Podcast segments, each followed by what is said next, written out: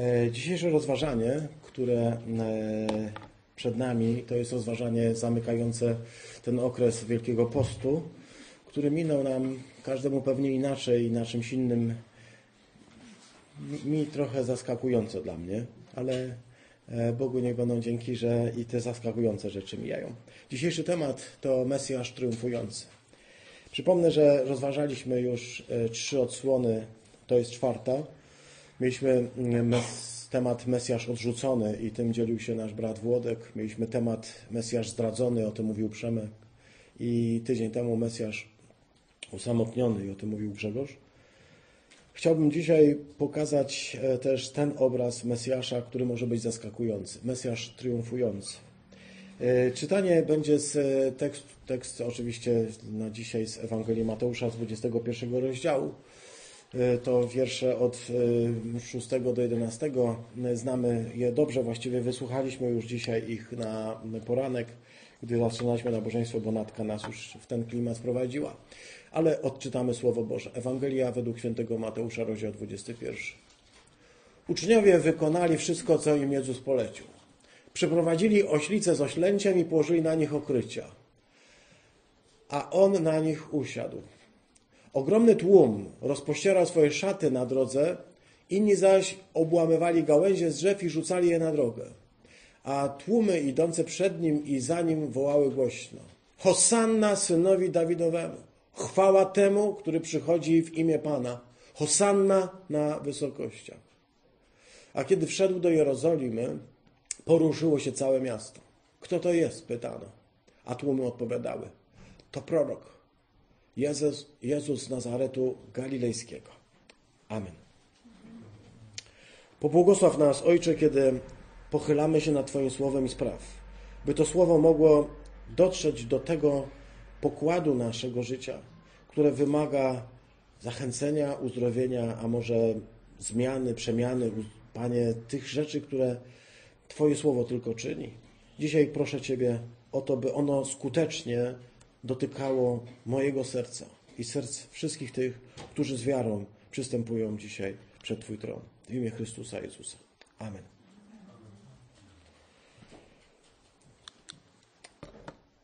Nie wszystko jest tym, na co wygląda. Macie takie wrażenie, że nieraz pewne rzeczy wyglądają lepiej niż powinny, albo odwrotnie, że coś, co wygląda tragicznie i dramatycznie, okazuje się czymś, co jest y, zaskakujące. Ten y, okres Wielkiego Postu i te rozważania nasze miały pokazać chyba jedną taką odsłonę. Mianowicie Mesjasz, który się objawił światu, nie jest taki, jak go sobie wyobrażano jest e, coś zaskakującego w Jezusie z Nazaretu, coś, co powoduje, że gdy się na niego mm, patrzono, jedni wpadali w absolutny zachwyt i byli gotowi zostawić wszystko dla niego i pójść, ale to nieliczni. Natomiast większość ciągle miała w oczach, w wyobraźni i w swoich sercach, w swoich myślach inny obraz Mesjasza. Inny niż ten, który im się wyrysował tu w osobie Jezusa z Nazaretu. I ja myślę, że e, do dzisiaj tak jest. Bogu niech będą dzięki za to, że mogliśmy poznać tak Mesjasza Jezusa, Jezusa Chrystusa, jakim jest naprawdę. Ale faktem jest, że ciągle ta krzyżowana stara natura w nas, ona ciągle podpowiada nam zupełnie inne wizerunki. Okazuje się, że i także Kościół ciągle odkrywa, że Mesjasz nie jest taki, jak go sobie wyobrażamy że Bóg nie jest taki, jak my sobie go wyobrażamy, że my nie jesteśmy tacy, jak sobie wyobrażamy, że wszystko nie jest takie, jak myślimy, że jest. Nie wszystko jest takie, jak wygląda. Nie wszystko jest tym, co wygląda. Dzisiejsza Ewangelia, e, którą czytamy, ale nie tylko konkretnie ta z Ewangelii Mateusza, ale dzisiejsza dobra nowina, ma postawić nas wobec pewnej takiej sytuacji, żeby zmieniła się, zmienił się nasz sposób myślenia o Panu Bogu, bo chyba Ewangelia zawsze ma ten jeden cel. Głoszona w Kościele nie ma na celu nas uspokajać, usypiać i mówić wszystko jest dobrze. Ewangelia głoszona nie ma na celu głaskać nas i mówić jaki jesteś fajny. Ewangelia zawsze nas zderza z pewną rzeczywistością, która wygląda inaczej, po to, by nas zmienić. Czy zgadzacie się z tym, że Ewangelia jest po to, by nas zmienić? Nie po to, żeby powiedzieć, jaki jesteś fajny, zostań taki, nie zmieniaj się, naprawdę jest ekstra. Ewangelia jest po to, żeby nas zmienić. I właśnie dlatego, kiedy przychodzimy do kościoła, słuchać Ewangelii, to przychodzimy po to i otwieramy swoje serca, mówimy: Panie, zmieniaj nas. Ponieważ pierwsze przykazanie, które Jezus dał, gdy przyszedł, brzmiało w postaci takiego słowa: Przybliżyło się królestwo, przybliżyło się królestwo Boże. Nawracajcie się i wierzcie Ewangelii. Mi się podoba w tym y, nawracajcie, że to nie jest nawróćcie się raz, a dobrze i porządnie, tylko nawracajcie się. Przypomnę, że to słowo nawracajcie, metanoja, zmieniajcie swój sposób myślenia. Pozwólcie, żeby Pan Bóg ciągle i ciągle was zaskakiwał. U nas się kiedyś mówiło we Fromborku, nie wiem, czy pamiętacie, młody to zdziwiony. Pamiętacie? Młody to zdziwiony, tak się mówiło. Chciałbym, żeby Kościół pozostał taki młody i nieustannie zdziwiony. Zdziwiony Panem Bogiem, zdziwionym tym, co On może zrobić i zdziwiony tym, co my możemy z Nim zrobić, w jaki sposób możemy się otworzyć na Jego działanie. To jest fantastyczne. Obchodzimy dzisiaj wyjątkowe wydarzenie. Myślę, że wielu z nas ma jeszcze z dzieciństwa dobre myśli o tym y, wyjątkowym dniu. Niedziela Palmowa. Tak się nazywa tę niedzielę. Dlatego, że wspomina się to wspaniałe wydarzenie wjazdu Chrystusa do y, Jerozolimy Y, triumfującego. Ale chcę powiedzieć dzisiaj, że to święto jest co najmniej dziwne. Czemu dziwne? Dlatego, że niesie za sobą jakieś głębokie nieporozumienie. Mówimy dzisiaj o tym, że e, Mesjasz triumfujący. Czyli jaki Mesjasz? Taki Mesjasz, który wchodzi, aby ogłosić światu E, do Jerozolimę wejść, wjechać i ogłosić: Jestem Mesjaszem, królem. E, I wiemy, że dokładnie tak nie było. To znaczy, Jezus wjeżdża do Jerozolimy, towarzyszą temu tłumy, jest wiwat, jest alleluja, jest hosanna. Ale czy macie takie wrażenie, chcę się Was zapytać, że Jezus w inny sposób rozumie swoje wejście do Jerozolimy i ma zupełnie coś innego na myśli, wjeżdżając na tym osiołku do Jerozolimy, niż ludzie, którzy go na tym miejscu wiwatują.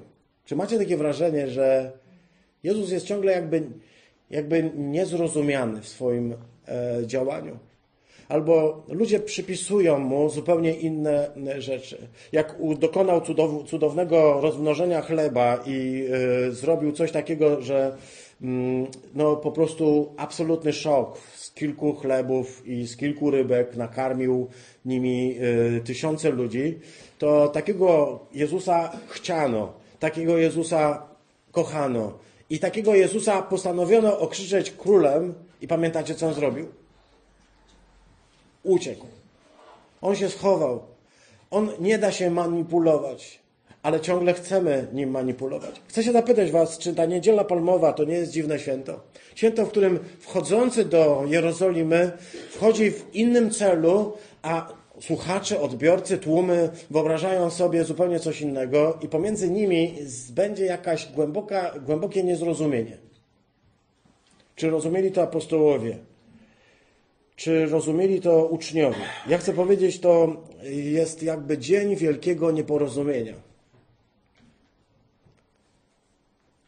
Czym innym było dla tłumów, czym innym dla e, uczniów, czym innym dla Chrystusa, dla naszego Zbawiciela. E, to jest zaskakujące. Ponieważ Bóg nie chce potwierdzać e, tych oczekiwań, jakie my mamy wobec Niego, jeśli one są nieprawdziwe i niezgodne z Jego wizją. Bóg nie spełnia e, mo, moich wyobrażeń o sobie. Ja mam pewne wyobrażenia o Bogu, dlatego bardzo mi się podoba Chrystus wjeżdżający do Jerozolimy, żeby wszyscy wreszcie poznali, że ten Mesjasz, do którego się apostołowie i uczniowie przyznali, to jest prawdziwy Mesjasz. Niech wszyscy teraz zobaczą, że my się nie myliliśmy.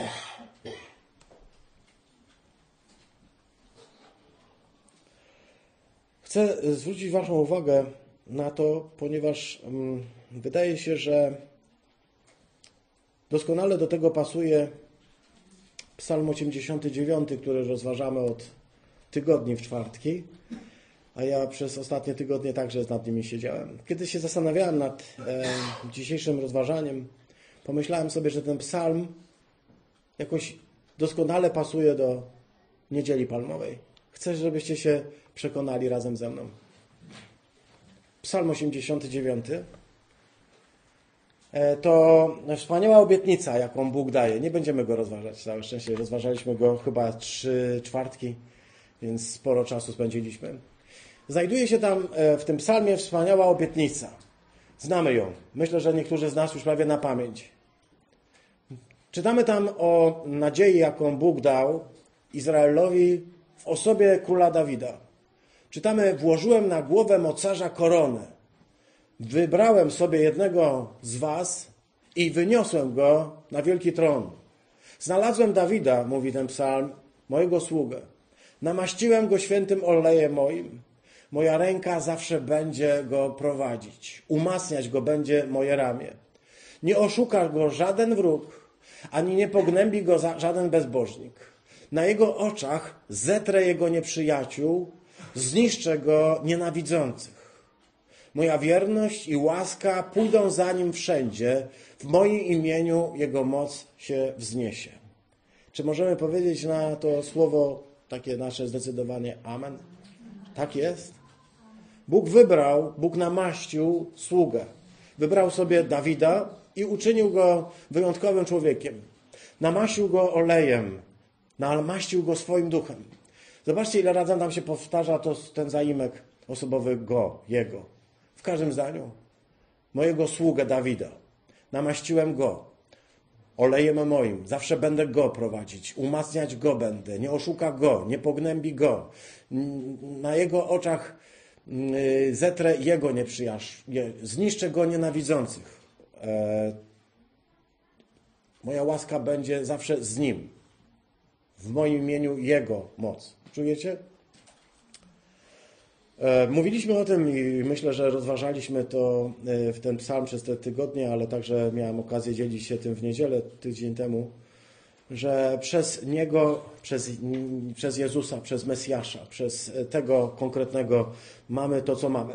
Jesteśmy otoczeni Bożą opieką, znajdujemy się pod Bożym parasolem. Jesteśmy ludźmi, którzy mogą powiedzieć o sobie, możemy być pewni tego, że niebo i ziemia przeminą, ale Jego słowo nie przeminie i ci, którzy z Nim są, nie przeminą. Będziemy żyli. Billy Graham powiedział takie zdanie, które chyba zapadło nam wszystkim w pamięć. Kiedy wam powiedzą, że Billy Graham umarł, to nie wierzcie. Kiedy wam powiedzą, że nie żyje, to nie wierzcie. To jest nasza nadzieja.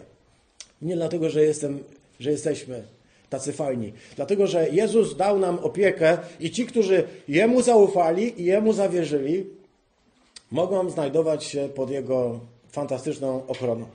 On, On, Jego, Jemu, z Nim, dla Niego, o Nim, Jezus Chrystus. Wciąż ten sam.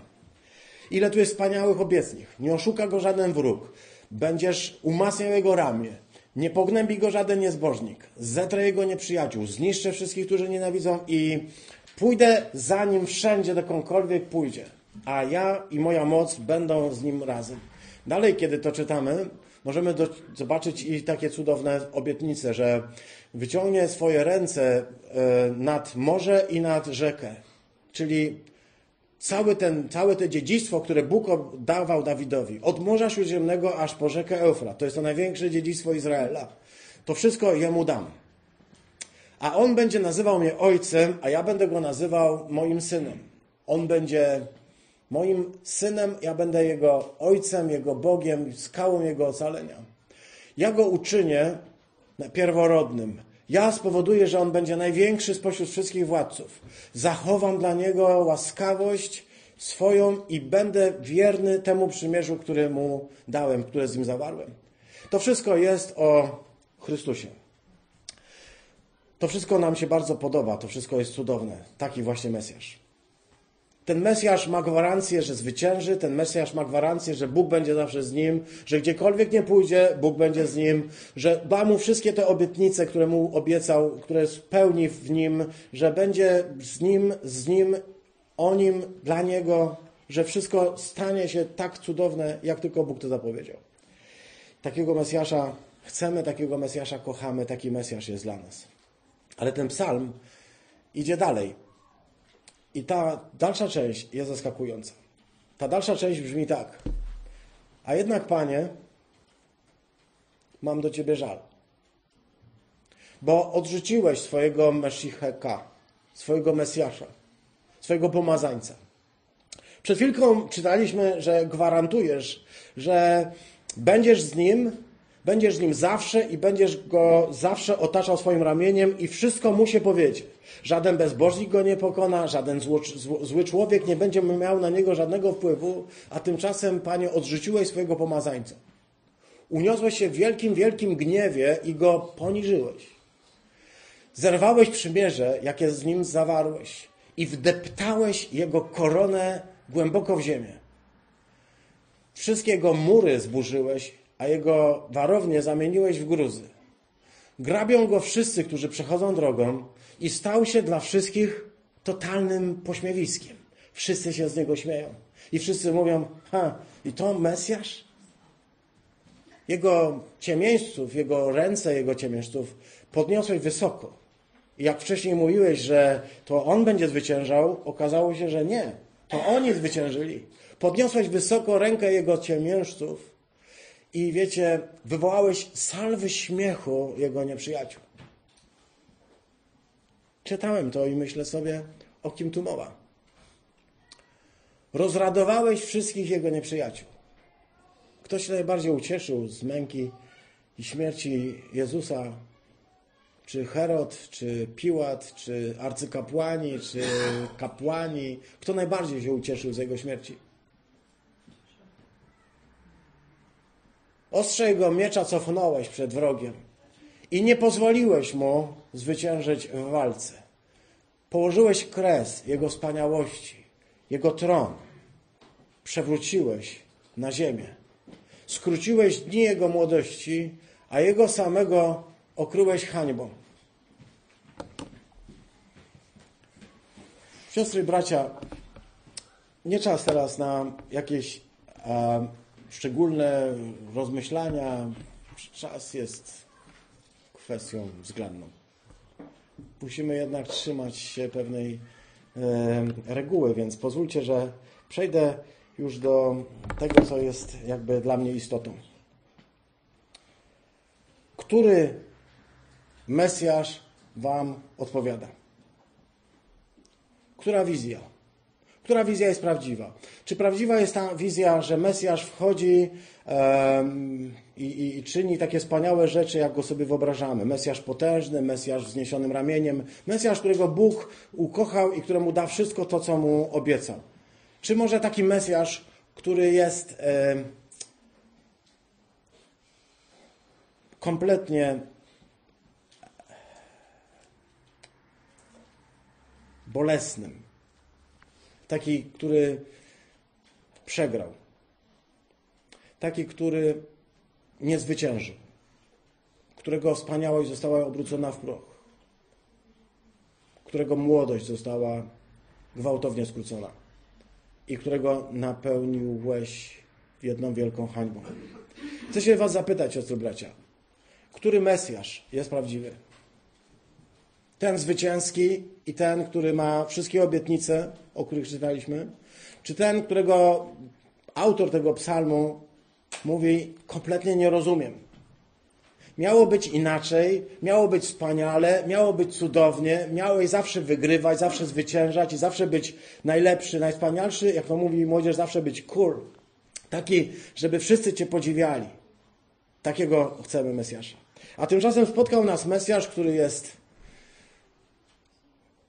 przegrany. Może trzeci raz zadam, zadam to pytanie. Który Mesjasz jest nam bliższy?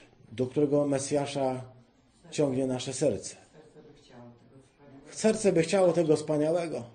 Serce by chciało tego, który zawsze wygrywa, który ma gwarancję nietykalności, takiego, który po prostu zawsze będzie na, na zwycięski i do którego przyznać się nam najprościej. Ale jakoś przedziwnie odkrywamy, że ten, którego tutaj narysował nam autor listu tego pięknego psalmu 89, jest e, Mesjaszem, który jest nam bliski, bo przypomina nam ten obraz Jezusa, e, naszego Pana, Jezusa Mesjasza. To jest Mesjasz, który został pokonany. Mesjasz, który został wdeptany w ziemię, którego diadem wdeptano w ziemię, którego tron przewrócono, którym można było zrobić to, co się zrobiło. Mesjasz, nad którym się ucieszyła całe piekło i cała ziemia. Mesjasz, który był absolutnie słaby i niezdolny do tego, by zrealizować Boże obietnice. I wiecie, paradoks polega na tym, że właśnie to ten Mesjasz zwyciężył. Oba obrazy są piękne i oba obrazy są prawdziwe, ale możemy powiedzieć, wybierz, który ci jest bliższy, który chcesz. I może chrześcijaństwo dzieli się też na takie chrześcijaństwo, w którym chcemy widzieć tylko tego Mesjasza zwycięskiego, takiego, który wchodzi triumfująco do świątyni i wydaje się, że od tej pory już z niej nie wyjdzie, będzie tylko królem. Ale ten, który wszedł triumfalnie do świątyni, jest jednocześnie tym, który za chwilkę tą samą trzcinową palmą dostanie po głowie, będą z niego szydzić, będą go tłuc i okaże się, że on nic nie robi. Chcę się Wam zapytać, siostry bracia, czy tak nie jest, że chrześcijaństwo może wydawać się znowu powrotem do takiego jedne, jednej wizji Mesjasza? A czy nie jest tak, że zwycięstwo polega na tym, by uwierzyć w tego Mesjasza, którego posyła Pan Bóg, z którym można zrobić naprawdę wszystko, co się chce? Gdybyśmy chcieli zrozumieć, e, na czym polega Mesjasz, na czym polega zwycięstwo Mesjasza, to najczęściej okazuje się, że ono dokonuje się przez porażki. Twoje życie, tak jak moje życie, nie musi być absolutnie pasmem zwycięstw. To nie jest tak, że sukces, sukces i sukces, że zwycięstwo, zwycięstwo i zwycięstwo. Tak byśmy chcieli i to jest wspaniale, że mamy wizję, że kiedyś tak będzie że to zwycięstwo i ten Mesjasz ostatecznie osiągnie to, do czego został powołany. Ale dzisiaj, siostry bracia, jeśli mamy być szczerzy i mamy głosić Ewangelię tak, jak ona jest napisana, a nie tak, jakby ucho chciało, to musimy powiedzieć, że przechodzimy przez ciemne doliny. Doświadczamy naprawdę dramatycznych rzeczy. I wtedy zadajemy sobie pytanie, i gdzie jest ten Mesjasz? Chcę powiedzieć, on zawisł na krzyżu. Kościół o tym mówi, wspomina. W kaplicach są krzyże. Mamy te czasy e, pasyjne, mamy okres liturgiczny. Nie wszyscy, ale całe szczęście Kościół dzisiaj coraz częściej przypomina sobie, że nie może odstąpić ani na krok od Mesjasza, który jest Mesjaszem cierpiącym, bo go zdradzi.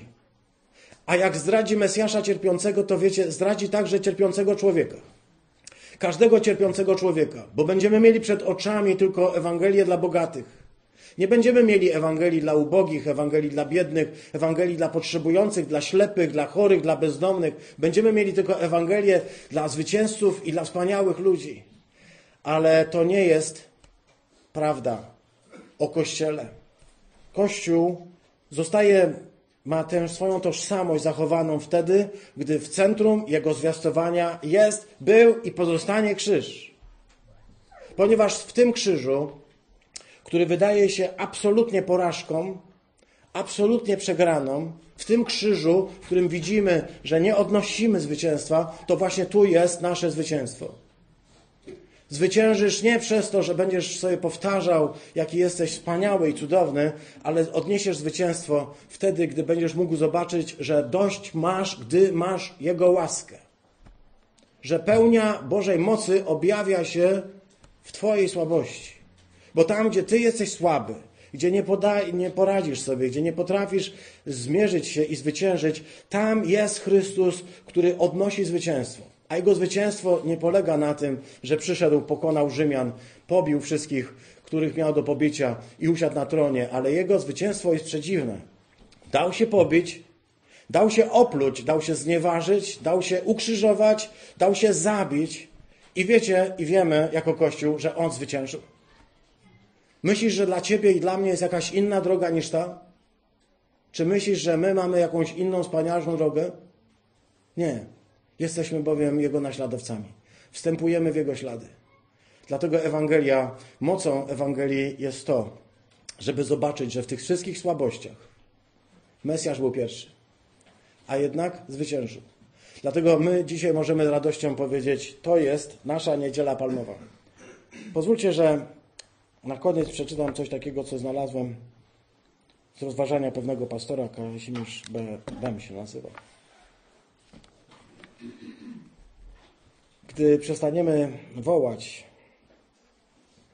gdy przestaniemy krzyczeć i tylko wiwatować i wiwatować, gdy zechcemy usłyszeć głos tego, który do nas tego dnia chce przemówić, gdy zamilknie ten cały blichtr świąteczny i gdy przyłożymy swoje ucho do serca Mesjasza ukrzyżowanego, Mesjasza zmartwychwstałego, do serca Jezusa Chrystusa, to usłyszymy tam może takie pytanie.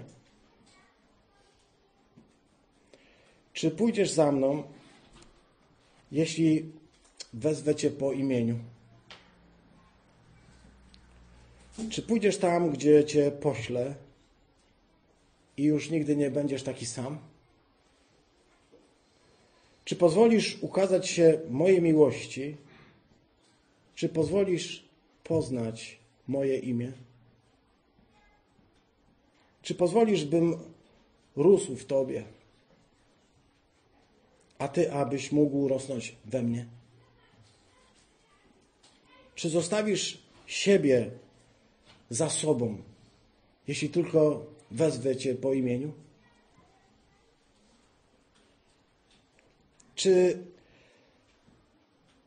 pozwolisz mi wysłuchać modlitwy, takiej, jaką ja zanoszę za Tobą? Czy pozwolisz ślepemu przejrzeć, jak tylko wezwę Cię po imieniu? Czy uwolnisz uwięzionych, jak tylko wezwę Ciebie? Czy już nigdy nie będziesz taki sam? Czy jesteś gotowy pocałować trędowatego, tak by stał się czysty? Czy jesteś gotowy na niespotykane rzeczy? Czy przyznasz się do mnie? Czy przyznasz się do swojej słabości? Czy pokochasz swoje ja, które chowasz, jak tylko wezwę Cię po imieniu? Czy ugasisz strach w sobie i już nigdy nie będziesz taki sam? Czy pozwolisz, by wiara, którą znalazłeś we mnie, zmieniła cały Twój świat? Czy pozwolisz? Nie widzisz tego wszystkiego cudownego, jak się nieraz w kościoła głosi. Widzisz słabość, niemoc, chorobę, grzech, ciężar. Możemy nawet powiedzieć, gdzie jest Bóg, dlaczego nie działa Jego Mesjasz i dlaczego nie zmienia. Ale czy jesteś w stanie uwierzyć, że właśnie w tych słabościach, właśnie w tych niemocach, w tej chorobie i trudności, którą przeżywasz, w ciężarach i w tym drugim człowieku, który potrzebuje pomocy, w tym wszystkim jest Chrystus, do którego możesz się pochylić. Czy jesteś gotowy, by tak świętować tę niedzielę i każdy następny dzień? Jeśli tak, powiedz Amen.